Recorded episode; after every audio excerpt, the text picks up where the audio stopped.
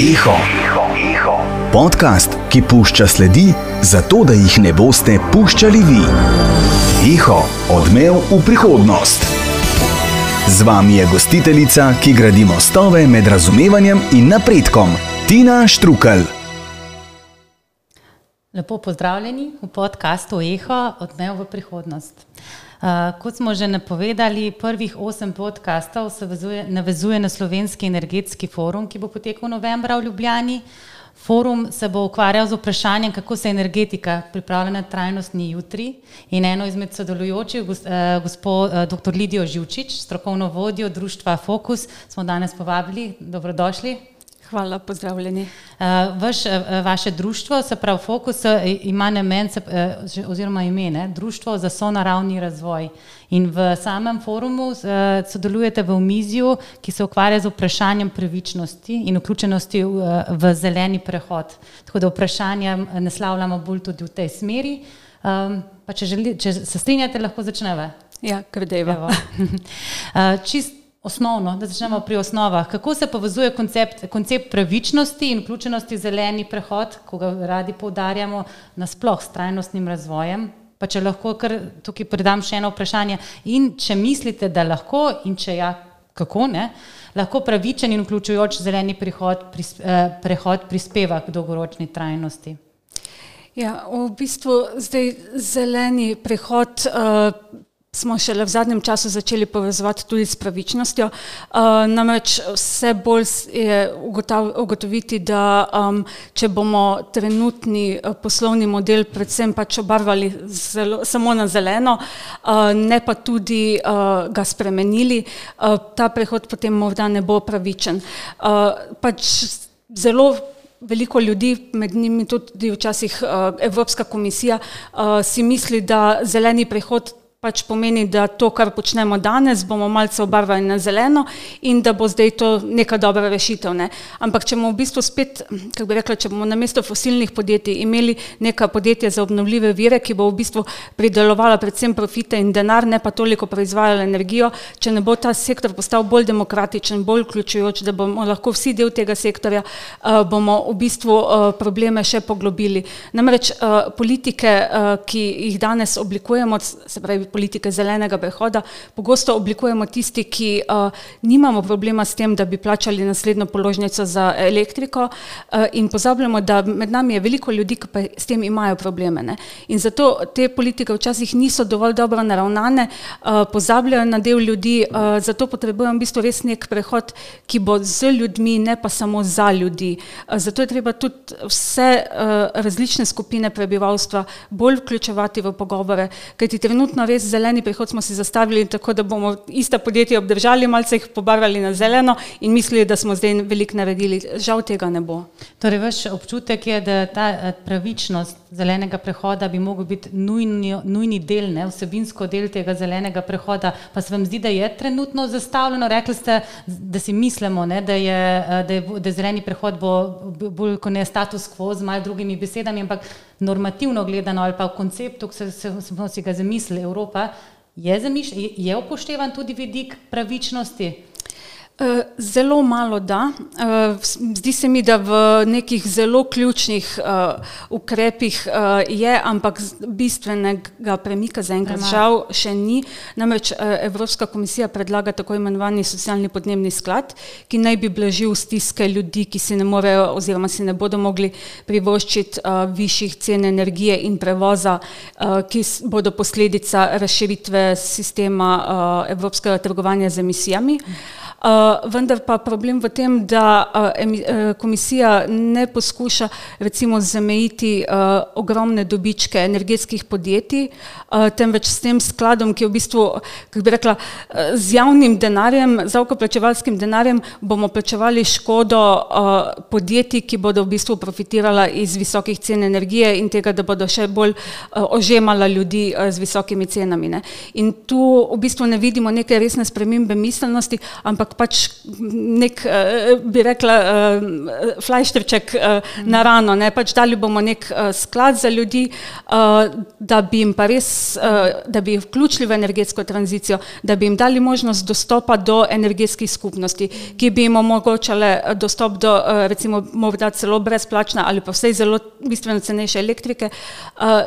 Tu bi se, o tem bi se morali pogovarjati, ne pa o nekih skladih, ki bodo zgolj blažili stiske ljudi. Torej, če bi rekli, kje so glavne uh, priložnosti, pa na drugi strani ključni izzivi pri tej zagotavljanju pravičnosti in vključenosti. Ne? Zeleni prehod na eni strani sem vas slišala, je, uh, ko bi rekla, uh, slabo upoštevano načelo onesnaževalec plača v tem smislu, ne bi rekla, pa po drugi strani uh, premalo uh, opolnomočenja ali pa priložnosti za tiste najranljivejše ali še kaj drugega vidite kot ključno izziv recimo. Ja, um, en zelo velik izziv je to, da tisti, ki jim je trenutno udobno, eh, se pravi eh, fosilna podjetja, jedrska podjetja, eh, se bodo zelo težko odrekla svojemu trenutnemu položaju. To že vidimo, da nasprotovanja so zelo velika in tukaj je veliki izziv, kako v bistvu to, bom tudi rekla, visoko politično moč teh podjetij uh, prebroditi in preoblikovati sistem, ki bo bolj uh, odprt za ljudi, bolj demokratičen, manj monopoliziran in tako naprej. Uh, vsekakor je veliko tudi priložnosti, recimo eno od načel, ki ga zelo pogosto poskušamo uporabiti, je, da v naravi v bistvu ni zastonkarskega kosila, kar pomeni z drugimi besedami, da pač, če nekdo nekaj pridobi, pridobi to na račun nekoga drugega. Ne? In, uh, trenutno energetski sektor deluje tako, da v bistvu energetska podjetja profitirajo vse več na račun tega, da pač ožemajo tiste, ki so že tako izžeti v bistvu. Ne. In uh, zeleni prehod, pravičen prehod pa nam odpira priložnost, da spoznamo, da to pač ne gre in da pustimo, uh, da se sistem oblikuje na način, da res vsi sodelujemo enakopravno, ne pa da en drugega v bistvu ožemamo. Ne. Tudi druga priložnost, velika priložnost zelenega prehoda, pravičnega prehoda je ta, da se zavemo, da v bistvu najbolj zelena je tista energija, ki je ne porabimo. Trenutno se zelo veliko kvegamo o tem, ali bi gradili nov jedrski blok ali ga ne bi, ali bi imeli vetrnice ali ne bi. Zelo redko kdo pa se vpraša, kje so še potencijali za neko varčno, odgovorno ravnanje z energijo, kje so potencijali za učinkovito rabo energije, skratka, kje so potencijali, da v bistvu vsi skupaj porabimo manj in da s tem manj obremenjujemo tako družbo kot okolje. Naslovili ste zelo dobro, dobro vprašanje, ki se včasih, ko se pogovarjamo tudi s podjetji, s katerimi sodelujemo, kar pozabimo. Ne? Pa je tudi en izmed ciljev eh, Evropske unije, pa uh, zelenega dogovora, ne? tako energetska učinkovitost. Torej, ne gre samo za zmanjšanje emisij, ampak tudi uh, za bolj učinkovito rabo. In se mi zdi, da na ta del tudi na osebni ravni malo pozabljamo. Ne? Če pogledamo okoli sebe, veliko govorimo, ampak nas je 8 milijard od lani. Eh, ljudi čez dalje več naprav tudi. Ne. Tako da se mi zdi, mogoče prvo je tudi ta, ki ste govorili prej o izzivu, eh, sem morda tudi vprašanje, na drugi strani razumem problematiko, ampak tudi energetska oskrba ali pa eh, zanesljivost oskrbe. Ne. Po drugi strani verjamem, da je vprašanje ni samo moč energetskih družb, ampak dejansko ena potreba po zagotavljanju take velike količine energije, kot jo imamo, ne, tudi mi, podjetja in eh, posamezniki. Tako da verjetno tudi iz tega izhaja ta del, ki ste rekli, da še vedno energetske družbe ustajajo z določenim ne, agendo v našem zelenem prehodu, vse je noter, ne, ker je treba zagotoviti to količino energije. Ne. Ja, eh, v bistvu tukaj vedno slišimo argument, da brez uh, fosilne ali jedrske energije v bistvu ne bomo imeli tako imenovanega pasu, uh, se pravi tiste osnovne uh, ponudbe energije. Mm. Uh, vendar pa je tudi tukaj treba v bistvu preskočiti na drugačno miselnost, na miselnost, kjer smo vsi nekako bolj tudi aktivni porabniki v sistemu, mm. kar pomeni, da morda ne bomo vsi v istem trenutku rabili energijo. Skratka, tudi tukaj je treba na, začeti razmišljati na čist drugačen drugačen način, ne pa več, uh, pač brez teh podjetij ne bo pasu in uh, ne moremo narediti nič, torej rabimo vse ja, skupaj. Sigurno izziv je na vseh ravneh, pri vseh deležnikih, kar včasih ja. pozabljamo in odlagamo na druge, na velike, se mi zdi, da tako, kot vi ste zdaj rekli, smo vsi mi pred tem izzivom, ne samo ena podjetja, ne tako, tako. kot posamezniki. Uh, pa smo že načeli temo, pa morda še to vezano na ta energetski vedik, ne, zelenega prehoda, pa vključevanje obnovljivih virov, kakšne je vaše stališče uh, in glede obnovljivih virov in kje bi mogli biti ključni poudarki za Slovenijo? Ja. Uh, v bistvu, ja, obnovljivi viri, uh, če pogledamo številke, ne kaže, da Slovenija je nekje na repu rabe obnovljivih virov v EU, ne, kar pomeni, da v bistvu imamo zelo veliko potencijala še, ki ga je treba izkoristiti. Vsekakor pa je treba biti previden pri izkoriščanju tega potencijala, kajti seveda ja, Natura 2000 področja posejati z veternicami ni smiselno in v bistvu še sploh to ni smiselno, če se v istim sapi v bistvu pogovarjamo o podaljšanju uh, življenjske dobe uh, teša, o podaljšanju življenjske dobe trenutnega jedrskega reaktorja, gradnje še enega jedrskega reaktorja. Skratka, tu imamo nek nesmiselen pogovor o tem, da bomo imeli samo vsega več, več, več in več in mislim, da se moramo zavedati, recimo slišali smo pred parimi dnevi, da bomo šli na referendum glede jedrskega bloka. Ne treba se zavedati, da to ne bo referendum o tem, ali zgraditi en objekt ali ne. To bo referendum, eh, na katerem se bomo odločali, ali v bistvu bomo imeli neko eh, zeleno energetsko prihodnost ali je ne bomo imeli, kajti eh, če bomo vlagali v nov jedrski blok, v bistvu za vlaganja v obnovljive vire, v učinkovito rabo, v demokratizacijo energetskega sektorja, v vključevanje ranljivih skupin v energetski sektor, zato pač milo rečeno ne bo ne volje, ne denarja. Ne. Uh, tako da ja, tukaj uh, nas čaka zelo velik premislek v Sloveniji. Uh, vidimo, da drugot po Evropi, da potencijali za rabo obnovljivih virov so, marsikje so uspeli že narediti zelo velike preboje, uh, zato uh, moramo zelo previdno premisliti, ali uh, bomo to pot uh, v bistvu kar presekali ali jo bomo poskušali nadaljevati. Ste prej rekli, da se že dobre prakse kažejo vezane na obnovljive vire, mislim, v tudi v drugih delih Evrope pa sveta. Um, Vmes ste pa tudi omenili, da se vam ne zdi smiselno, recimo, ne vem, veterna, veternice postavljati na Tauri 2000. Uh, kje pa zdaj meja, oziroma kakšen je vaš pogled na to? Zdaj trenutno imamo dve veternici v Sloveniji, ali je to dost premalo, ali vi bolj mislite, da je vse uh, večji podarek vedno, še vedno potreben na uh, sam sončni energiji? V bistvu rabimo kombinacijo. Tudi veterne bomo rabili nekaj več v Sloveniji, kot jo trenutno imamo, vendar pa se moramo naučiti drugače pogovarjati o energetskih projektih, tudi o veternicah med drugim. Ne. Trenutni pogovor o energetskih projektih v Sloveniji je tak, da si pač nekdo zamisli projekt, ga potisne na mizo in reče, zdaj pač imamo to idejo in to bomo izpeljali. Ne. Ni veliko pogovora o tem, ali nam je všeč ta ideja, ali nam ni. In tukaj mislim, da je tudi ena zelo pomembna karakteristika zelenega prehoda in pravičnega prehoda. Če želimo, da bo res pravičen, začnimo se pogovarjati. Namesto, da pridemo s predlogom v lokalno skupnost, pojdimo najprej v lokalno skupnost in se pogovorimo, pogovorimo kaj oni želijo, eh, kaj potrebujejo, eh, kje so neki potencijali lokalne skupnosti, da sodeluje. Tako ponavadi pride investitor z denarjem, eh, reče, mi bomo zdaj tukaj gradili in seveda potem lokalna skupnost skoči na noge in imamo problem. Ne. Zato se moramo naučiti pogovarjati res bistveno drugače, zato tudi pravim, zeleni in pravičen prehod z ljudmi, ne pa za ljudi. Tudi eh, vaši predhodniki, ki smo se pogovarjali, pa so bili mogoče teme pogovarja ne vedno isto, ne? na pravični prehod, vedno znova se vračamo na debato boljšega sodelovanja ali pa slišanja med različnimi deležniki, ne? pa vključevanja. Um, povejte, prosim, kako, si mi, kako, si, kako se vam zdi, recimo razmišljam, da prvi Evropski zeleni dogovor že 2019, mi pa tudi eh, določene Nadaljne akte je tudi Evropa sprejemala, ko so zdaj že konkretne zaveze, tudi za podjetja in posameznike. Ne. Uh, tudi, uh, tudi na slovenski ravni imamo zdaj nov osnutek NEPNA, ki je šel. Kako vi, glede na to, kar so do zdaj povedali o izzivih in priložnostih in pomankljivostih, kako vidite pa te akte, so dovolj ambiciozni in na drugi strani, a so zastavljeni tako, da so dejansko izvedljivi v doseganju cilja, ki so si ga zadali, recimo podnebna neutralnost? Uh, ja, v bistvu raje kot o neki ambicioznosti in neambicioznosti bi uh, govorila o tem, ali ti akti res spodbujajo neko uh, popolnoma drugače strukturirano sliko v energetiki ali ne in bojim se, da v tem trenutku, kot so zastavljeni, v bistvu ne. Uh, ja, na nekaterih področjih so dokaj dobro ambiciozni, na nekaterih morda niso dovolj ambiciozni, ampak problem je v tem, da na nek način še vedno spodbujajo um, takšno stanje, kot ga imamo danes. Eh, ne zahtevajo nekega drastičnega preskoka v uh, orientaciji energetskega modela, ne zahtevajo uh, preskoka v neki participaciji, v sodelovanju ljudi in tako naprej.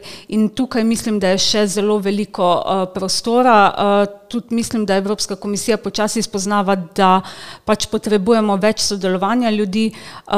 Tudi recimo projekt, s katerim smo se do pred parimi dnevi ukvarjali, pa v bistvu na nek način ga nadaljujemo, ne, je tudi recimo vključevanje žensk v energetski prehod, eh, v podnebni prehod. Eh, tukaj se počasi odpirajo neki nastavki za mal drugačne slike, ampak mislim, da pač trenutni akti, ki jih imamo na mizi, še morda niso eh, dovolj nastavkov za neko korenito spremembo energetskega sistema. Lahko vprašam, ker mi ne znam, da ste rekli vključevanje žensk v energetski prehod v smislu uh, kot delovnih mest ali uh, na kakšnem načinu? Iz različnih vidikov, um, v bistvu tukaj eh, nekih enozložnih odgovorov ni, tukaj se v bistvu moramo začeti zelo pogovarjati. Eh, namreč, eh, če pogledamo predlagane evropske politike, naprimer obnovljive vire, to so delovna mesta predvsem za moški sektor. Ne.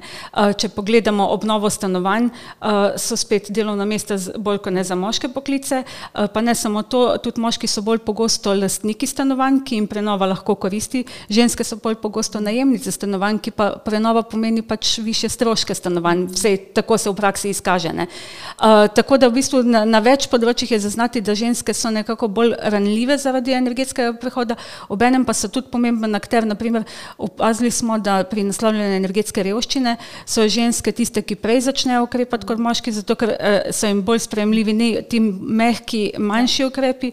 Uh, tudi recimo pri um, sodelovanju in oblikovanju skupnosti smo ugotovili, da ženske lahko igrajo zelo pomembno vlogo eh, povezovalca skupnosti, eh, facilitatorja, koordinatorja skupnosti in tako naprej. Skratka, tukaj so neke priložnosti, ampak mislim, da se še zdaleč ne pogovarjamo dovolj o tem, na kak način jih izkoristiti in kako ženske v bistvu bolje vključiti v energetski sektor. Pažam tole, kar ste rekli, eh, sem nekaj časa že nazaj in razmišljala in pogovarjali smo se, ko govorimo o trajnostnosti ali pa recimo nefinančnih kazalnikih in tistem tistem delu zelenega dogovora, ki tudi naslavlja podjetja, da to pa zdaj vsi, vsem večja, velika podjetja, pa uh, podjetja v javnem interesu, da pač te zadeve razkrivajo. Mhm. Opažamo pa, da če zdaj več vključenih žensk v ta trajnostnost, predvsem tudi, ker upošteva in okoljski del, in tudi družbeni in upravljalski vidik. Mhm. In so, smo ugotovili, no, tako, ampak to ni bila zdaj neki večja skupina, ampak ko se pogovarjamo, da ravno te lastnosti, ki ste rekli, od ženskih trenutno pa vključujejo, če zdaj več v ta vprašanja, če zdaj več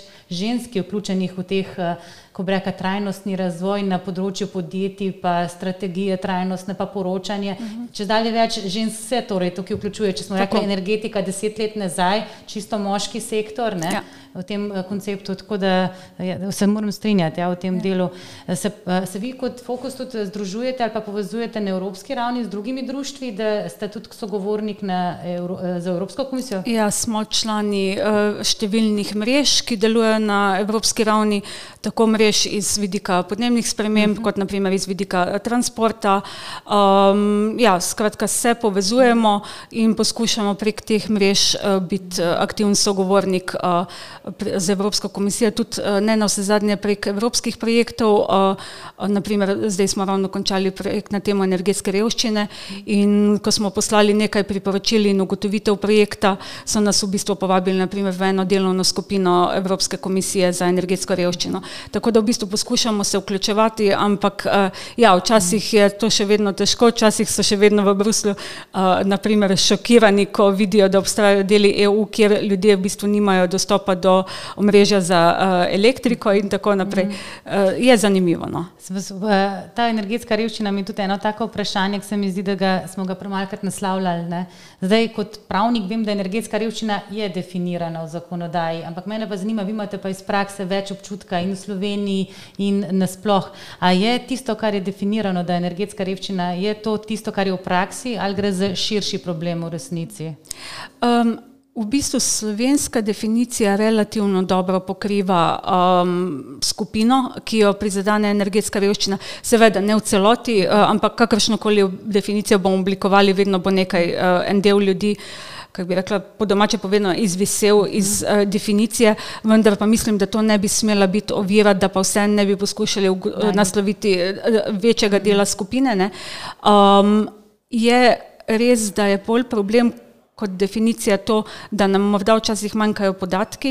Še večji izziv pa je to, da ljudje, ki jih prizadene energetska revščina, uh, pogosto se upadajo pač skupino, ki je prizadene splošna revščina in ena od ključnih značilnosti je, da ljudje pač ne želijo eh, stopiti na plano, uh, ja, z, tako, ne želijo se prikazati kot revne, kot energetsko revne in zato je v bistvu zelo težko dostopati do ljudi, uh, ki uh, bi jim bilo treba na tak način pomagati. pomagati ali jih vključiti uh, ali jih spodbujati in tako naprej. Tudi imamo včasih mal preveč, kako bi rekla, pokroviteljski pristop, ne, pač zdaj imamo neke rešitve in ideje, zdaj vam bomo pa mi pomagali. Uh, kot sem prej rekla, številnim od nas ni jasno, kaj pomeni, da nimaš jutri denarja za plačanje položnice in zato se včasih zelo težko postaviti v čevlje ljudi, ki jih prizadevajo prizadene energetska revščina in zato je spet pomembno, da jih čim bolj vključujemo v diskusije, v uh, razprave o uh, politikah in ukrepih, ki bi jih lahko sprejeli. Je težko, če se tako težje izpostavljajo. Tako. Tako. Je, je to velik problem, tako, eh, moče bi rekla, relativno gledano proti drugim državam, je to v Sloveniji velik problem? V bistvu, tako bom rekla, napram, recimo, predvsem zahodnoevropskim državam, imamo relativno velik problem napram vzhodnoevropskim mhm. državam, uh, nimamo tako velikega problema. Trenutno se številka giblje nekaj nad sedem odstotkov, kar pomeni v praksi uh, 62 tisoč gospodinstv oziroma nekaj več kot 100 tisoč ljudi, uh, kar v bistvu ni majhna številka, ja, je zelo veliko, uh, ampak če recimo primerjamo naprimer z Bolgarijo, kjer je skoraj ena tretjina prebivalstva energetsko revna, smo mi relativno še vedno dobro. Uh, kar se mi zdi, da je zelo velika prednost Slovenije, je to, da v bistvu do, sedaj smo že imeli uh, neke uh, ukrepe za naslavljanje energetske revščine, namreč Ekosklad ima razpise, uh, na katere se ljudje, uh, ki imajo imajo recimo eh, socialno podporo, lahko prijavijo in dobijo v bistvu eh, subvencijo za brezplačno obnovo domovanja ali pa za zamenjavo korilnega sistema. Ne. Eh, kar pa bi bilo treba je zagotoviti, da so ti ukrepi stalni, namreč sedaj se razpisi odpirajo in zapirajo, kakor se sredstva pojavijo ali pa izginejo, kar potem povzroča neko zmedo pri ljudeh, namreč recimo slišijo vem, na radio, da se lahko prijavijo, potem pokličajo na ekosklad, tam jim povejo, razpise pa ravno kar zaprt, počakajte par mesecev. Skratka, tu bi bilo treba zagotoviti neko kontinuiteto in pa tudi v bistvu zdaj ravno sprejemanju akcijski načrt za uh, zmanjševanje energetske revščine, uh, ki ima relativno dobre nastavke, uh, pač le tega bi bilo treba čim prej sprejeti in začeti uresničevati. Ja. A se vam zdi, da ta uh, del uh,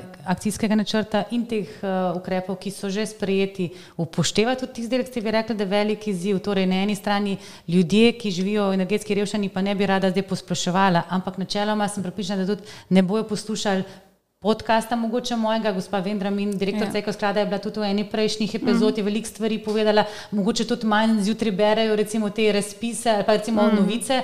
A naslavlja dovolj, da te ljudi, da je mehanizem tudi ta, da so dostopni v smislu, da sploh zvejo za njih te ljudje. Ja, v bistvu to je eden od predlaganih ukrepov uh, akcijskega načrta, namreč uh, želi, uh, mislim, dobro bi bilo oblikovati neko vsej neformalno informacijsko mrežo, ki bo širila te informacije ne samo po kanalih nekega uh, javnega uh, komuniciranja, kot recimo mediji, radiji in tako naprej, uh, ampak v bistvu tudi prek recimo socialnih akterjev, uh, prek nekih lokalnih akterjev, ki res pač dobesedno poznajo družine, ki so v stiski in tako naprej. Skratka, tukaj uh, se uh, pač je zavedanje o tem problemu in se ga bo poskušalo uh, reševati.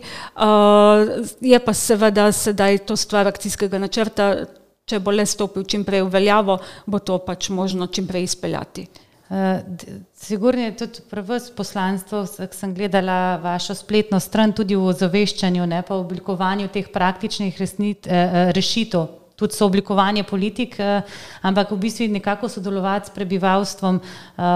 Osnovi, jaz sem iz Zasavja in se tudi poznamo z vodo v Hrastniku, tam ste sodelovali tudi pri, uh -huh. uh, pri zadrugi. Uh mhm. -huh. Pa me zanima, koliko pa vi vidite konkretno pri vaših uh, ukrepih, katere bi lahko zanasloviti na eni strani posameznik, energetska revščina, tu sem se mi vmes porajal, a ste tudi kje vi akteri pri pomoči pri ozaveščanju pri teh ljudeh, pa na drugi strani recimo lokalne skupnosti, ki ste jih tudi omenili, pa osebno mislim, da je tudi zelo pomemben aspekt zelenega prehoda, koliko bojo polnomočene tudi te skupnosti. Ja.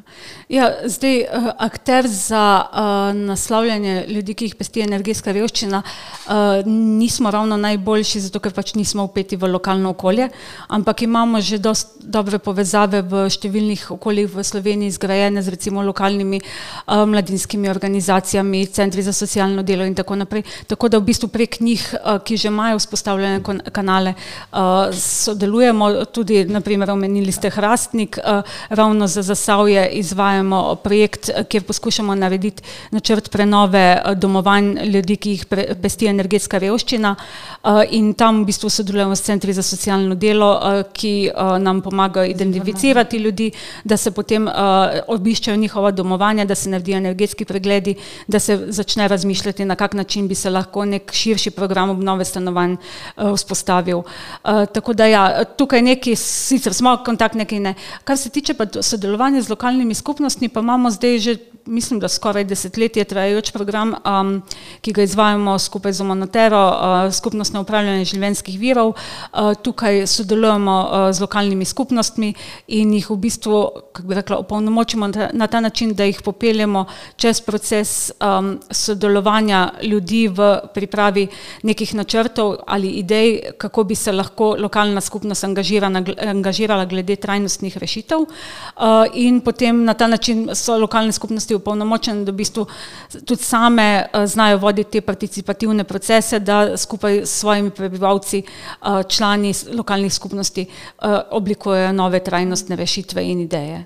Kje bi pa rekli, da imate količinsko ali, ali pa po učinku več dela na tem delu, ko ste so ustvarjalec ali pa recimo pri oblikovanju politiku se verjetno kot, kot deležnik udejstvujete ali bolj v tem čist praktičnem delu z lokalnimi skupnostmi in ljudmi, kje, kje ja. več dela? V bistvu bi rekla, da uh, kar poskušamo nekako enakopravno razdeliti svoje delo uh, na obe področji. Tudi nekaj malega imamo še vedno dela na informiranju, ozaveščanju in izobraževanju. Tudi tam poskušamo delati tako, da ja, pač zavedamo se, da brez sprememb politik in ukrepov ne bo šlo, ampak tudi brez nekih korakov na lokalni ravni, nekega grajenja mrež, povezovanja in tako naprej ne bo šlo. No. Tako da v bistvu poskušamo svoje moči, resurse usmerjati kar v oboje. No, super. Um, mislim, da smo nekako izčrpali tisto, kar sem si zastavila. Bi vas pa prosila, naš, uh, naš podcast se imenuje Odmev v prihodnost. Bi vas prosila še za eno vašo sklepno misel oziroma odmev v prihodnost. Ja, um, ja v bistvu pred uh, cirka 20 leti ali pa mogoče kako leto več, ne, ko sem se začela ukvarjati s podnebnimi spremembami in ko smo v fokusu bili eh, eni prvih Slovenij, ki so govorili o tej problematiki, ne, so se nam v bistvu še celo kolegi iz okoljevarstvenih krogov uh, smejali, češ kaj pa se zdaj vi ukvarjate z nekimi problemi, ki jih še sploh ni, ne, dajte se ukvarjati z nečem, kar nas pesti že zdaj, ne vem, pač imamo gore odpadkov, pa tak naprej. Ne. Uh, in mislim, takrat sem že v bistvu znala dosti dobro ponuditi sliko, ki se nam zdaj 20 let kasneje odvija pred našimi očmi. Uh, tako da v bistvu tudi zdaj znam zelo dobro opisati sliko, uh, kaj se nam utegne v naslednjih 20 letih zgoditi, ampak v bistvu, uh, no, ker pač vidim dve sliki, bi opisala najprej eno. Uh, ta slika, ki jo vidim, je lepša. Ne? Uh, imamo uh, nek drugačen model razvoja, kjer uh, ne hitimo vsi uh, delati uh, BDP in dobičke samo zato, da bo v bistvu lahko peščica ljudi bogatela, uh, vse več ljudi pa bo v bistvu porinjenih na rob, ne? ampak uh, v bistvu imamo model, kjer znamo sodelovati, kjer znamo oblikovati skupnosti, ki naslavljajo različne probleme ljudi, kjer znamo v bistvu uh, si svojo energijo pridelovati iz obnovljivih virov energije, kjer že, ker smo zadovoljni v bistvu že z manjšim, z majhnim, uh, ne trošimo toliko, kolikor trošimo danes. Skratka, v družbi so neke drugačne um, želje, imamo želje po nekem dostojnem življenju znotraj uh, uh, omitev, ki nam jih pač postavlja naš planet. Uh, znamo sodelovati en z drugimi, znamo se pogovarjati z en z drugimi, nismo več toliko tekmovalni in tako naprej. Uh, tako da, ja, uh, jaz mislim, da to je ena uh, od možnih slik. Uh, druga slika je pa grda in o tej raje v bistvu ne bi govorila. Uh, ampak mislim, da zdaj smo ravno še nekje v čist zadnjih, zadnjih, zadnjih trenutkih, da to lepo sliko še vedno lahko zgrabimo, še vedno se kot družba lahko odločimo za njo in uh, gremo delati v smeri te slike. Um, tista grda, pa če ne bomo ukrepali, se nam bo pa zelo malo zgodila. Torej smo na razpotju Tako. za odločitev. Hvala Tako. za danš pogovor. Um, Hvala vam. Veliko uspeha in uh, se vidimo hmalo. Tako. Hvala. To je bila epizoda podcasta Eho. Eho, Eho. Hvala, da širite odmev v prihodnost. Z vami ostajamo na vseh znanih kanalih.